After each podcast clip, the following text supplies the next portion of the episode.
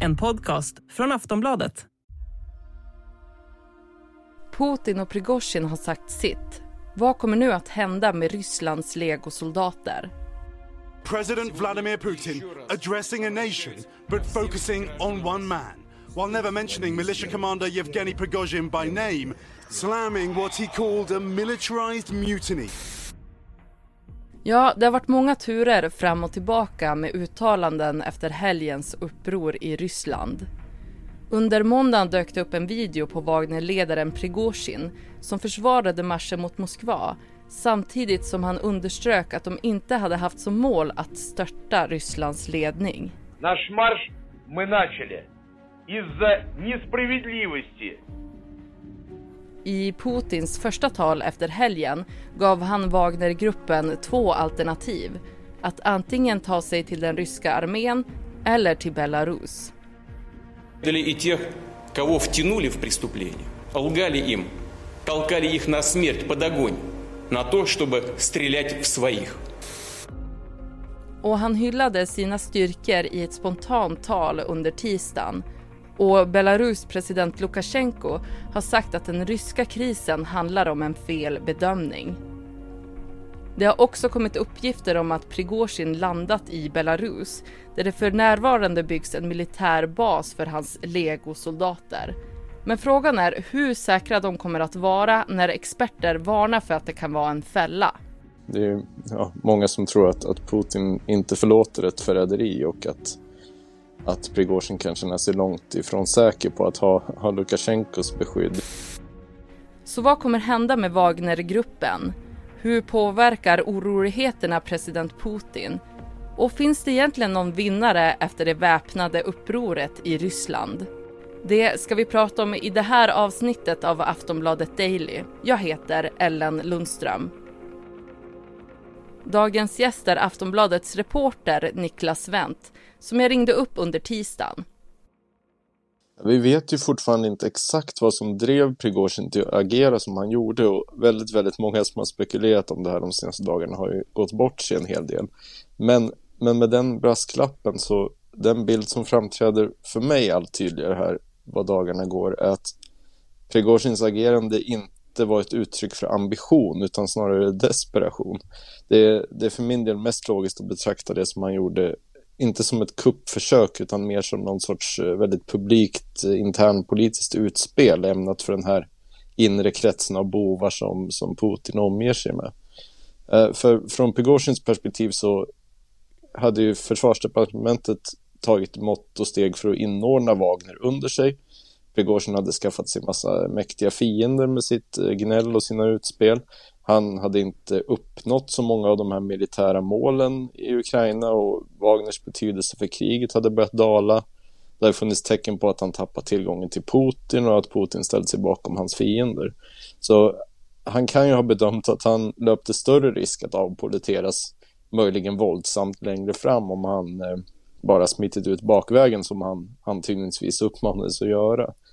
Så jag tror att hans agerande blir mer logiskt om man tänker sig att den hand han hade i lördags var från hans perspektiv möjligen den starkaste han någonsin skulle komma att ha och att han därmed valde att gå all in för att på något sätt dra till sig Putins uppmärksamhet och säkra ett långsiktigt inflytande och finansiering för sig själv. Och det hade ju kunnat lyckas om om han mötts på ett annat sätt av, av ledningen i Kreml. Då. Men nu gick ju Putin ut väldigt tydligt och kallade det här för eh, ja, med förräderi och sa att han skulle krossa alla inblandade och sånt där. Och i det läget så, så var det ju kört för Prigozjin. Han hade ju då att välja på att faktiskt försöka störta staten, vilket han synbarligen inte hade kapacitet eller stöd för att göra. Eller att vika ner sig då som, som han gjorde till sist. Vad ger han för bild nu över det som hände under helgen? Ja, men den ligger väl lite i linje med det ungefär som jag just beskrev, att han menar att det är ett uttryck för sitt missnöje med med hur kriget har bedrivits och med militärledningen och att det egentligen inte riktar sig mot Putin eller då den högsta ledningen. Så det är väl det han, han har sagt på något sätt hela tiden. Sen, sen fick det ju helt andra implikationer av, av hur, vad han gjorde så att säga och hur det uppfattades och inte minst hur det, hur det, det möttes av från Putins sida. Och Prigozjins privatjet uppges ha landat i Belarus huvudstad Minsk. Vad kommer hända med honom där? Ja, det är fortfarande lite oklart om han är i Minsk, men, men det är ju det avtalet som fick slut på det här upproret från i lördags. Eh, en av de få sakerna som, som man vet om det egentligen var ju att han Eh, skulle få någon typ av uppehälle i Belarus istället. Men vad han ska göra där är fortfarande väldigt oklart. Kommer han fortfarande vara, vara ledare för Wagner i någon, i någon mening? Kommer han fortfarande kunna hålla liksom en sån eh, publik profil som man har gjort och vara kritisk mot hur kriget förs och så vidare? Eh, det, det är väldigt svårt att veta. I Belarus byggs just nu en militärbas där 8000 Wagner-soldater ska hålla till. Men av experter har det beskrivits som en fälla. Vad är det mest troliga? Ja, det är väl många som är, tvivlar på att, att liksom Belarus kommer kunna vara en fristad för Prigozjin. Att, att det är ja, många som tror att, att Putin inte förå, förlåter ett förräderi och att, att Prigozjin kan känna sig långt ifrån säker på att ha, ha Lukasjenkos beskydd i och med att Lukasjenko är mer än, ja, han är väldigt beroende av Putin. Eh, man har ju förstått av, av vad Putin har sagt då att Wagnersoldaterna skulle kunna välja på att eh, eh, ja, följa med följa med Prigozjin till, till Belarus och i så fall skulle väl de kunna använda de här baserna på något sätt. Men om det, ja, jag, jag vet inte om de kommer vara permanent baserade där och fortsätta bedriva någon typ av operationer i Ukraina eller om det kommer vara någon sorts tillfälligt läger innan de hinner omgrupperas till andra platser. Eh, mycket kommer väl bero på om, om Wagner förväntas fortsätta driva operationer i Afrika och på andra platser som, som de har gjort tidigare. Jag och Niklas Wendt kommer snart prata vidare om vad som väntar Putin och Wagnergruppen. Vi är snart tillbaka.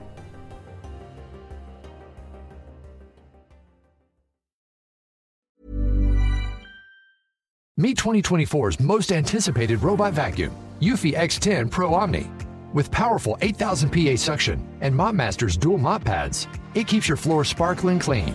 It's the winner of five Best of CES awards, and Digital Trends says it boasts almost all the same features as robot vacuums that cost twice as much. Want to know more? Go to eufy.com, that's EUFY.com, and discover X10 Pro Omni, the best in class all in one robot vacuum for only $799.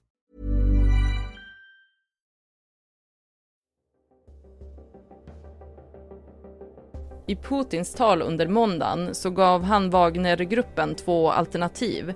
Att de antingen skulle ansluta sig till den ryska armén eller bege sig till Belarus.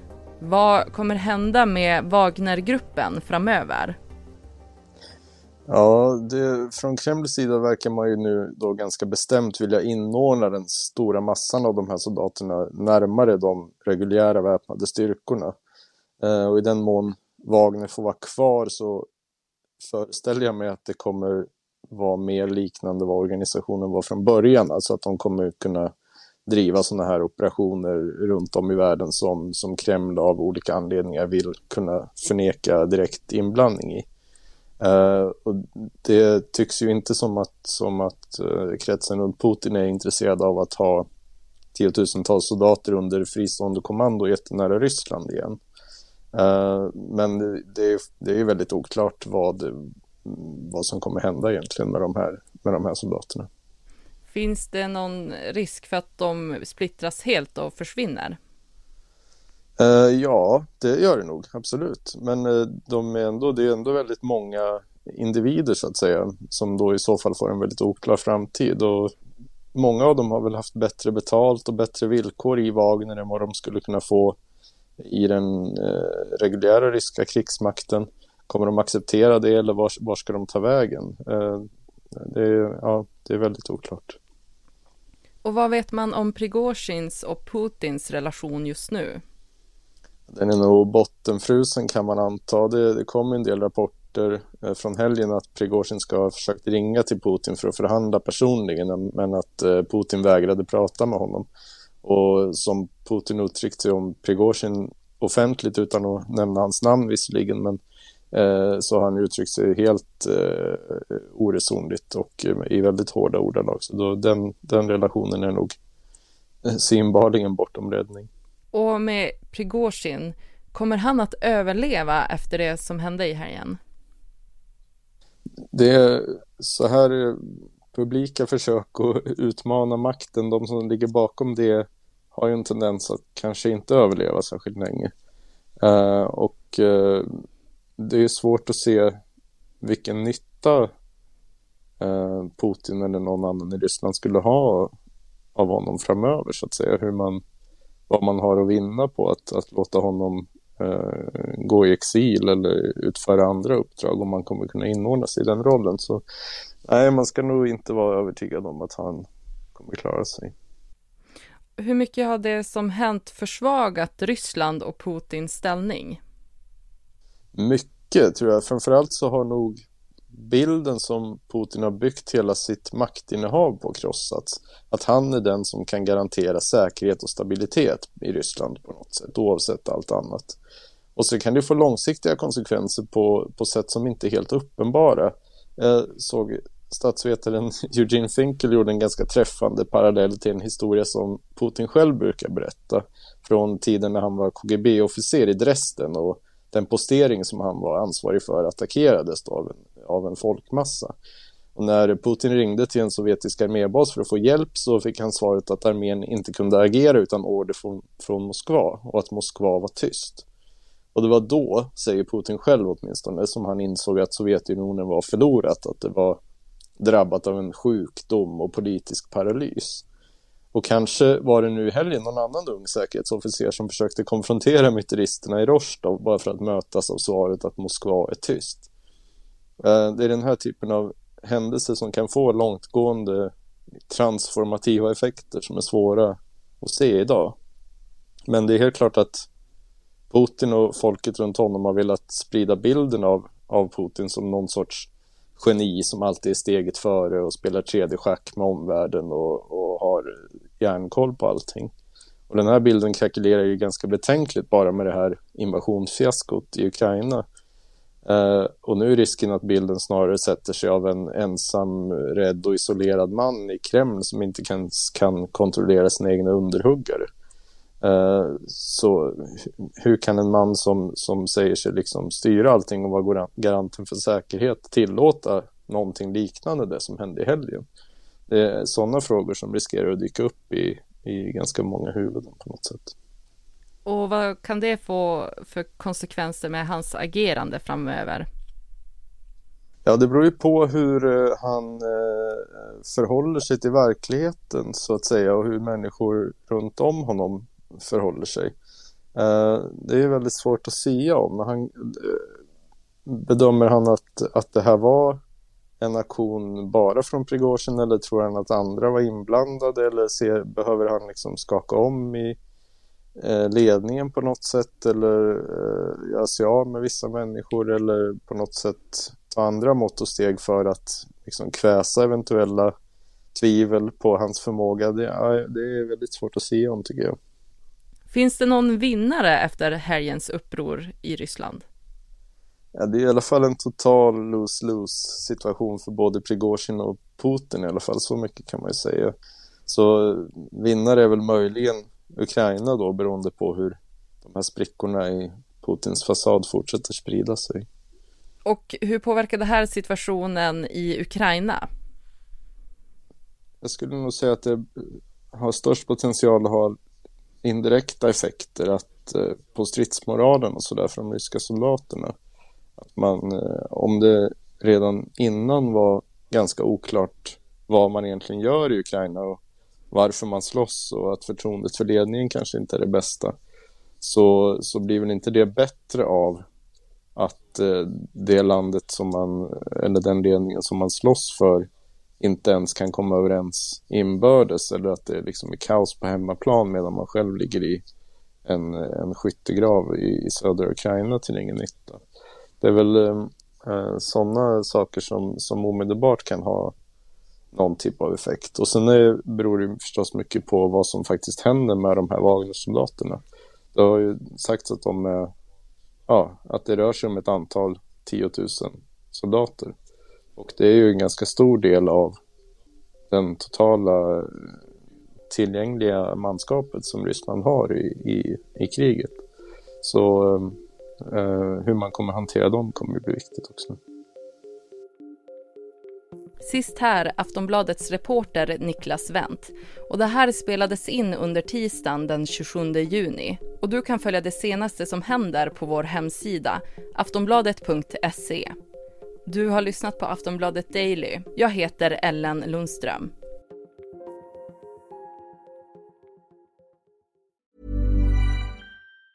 Meet 2024's most anticipated robot vacuum, Eufy X10 Pro Omni. With powerful 8000 PA suction and MopMaster's dual mop pads, it keeps your floor sparkling clean.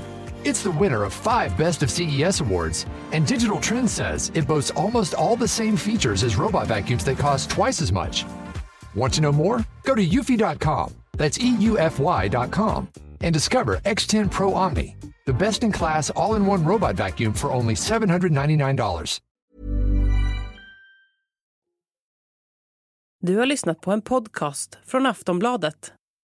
Ansvarig utgivare är Lena K Samuelsson. Tired of ads barging into your favorite news podcasts? Good news. Ad-free listening is available on Amazon Music for all the music plus top podcasts included with your Prime membership. Stay up to date on everything newsworthy by downloading the Amazon Music app for free or go to amazon.com slash news ad free. That's amazon.com slash news ad free to catch up on the latest episodes without the ads.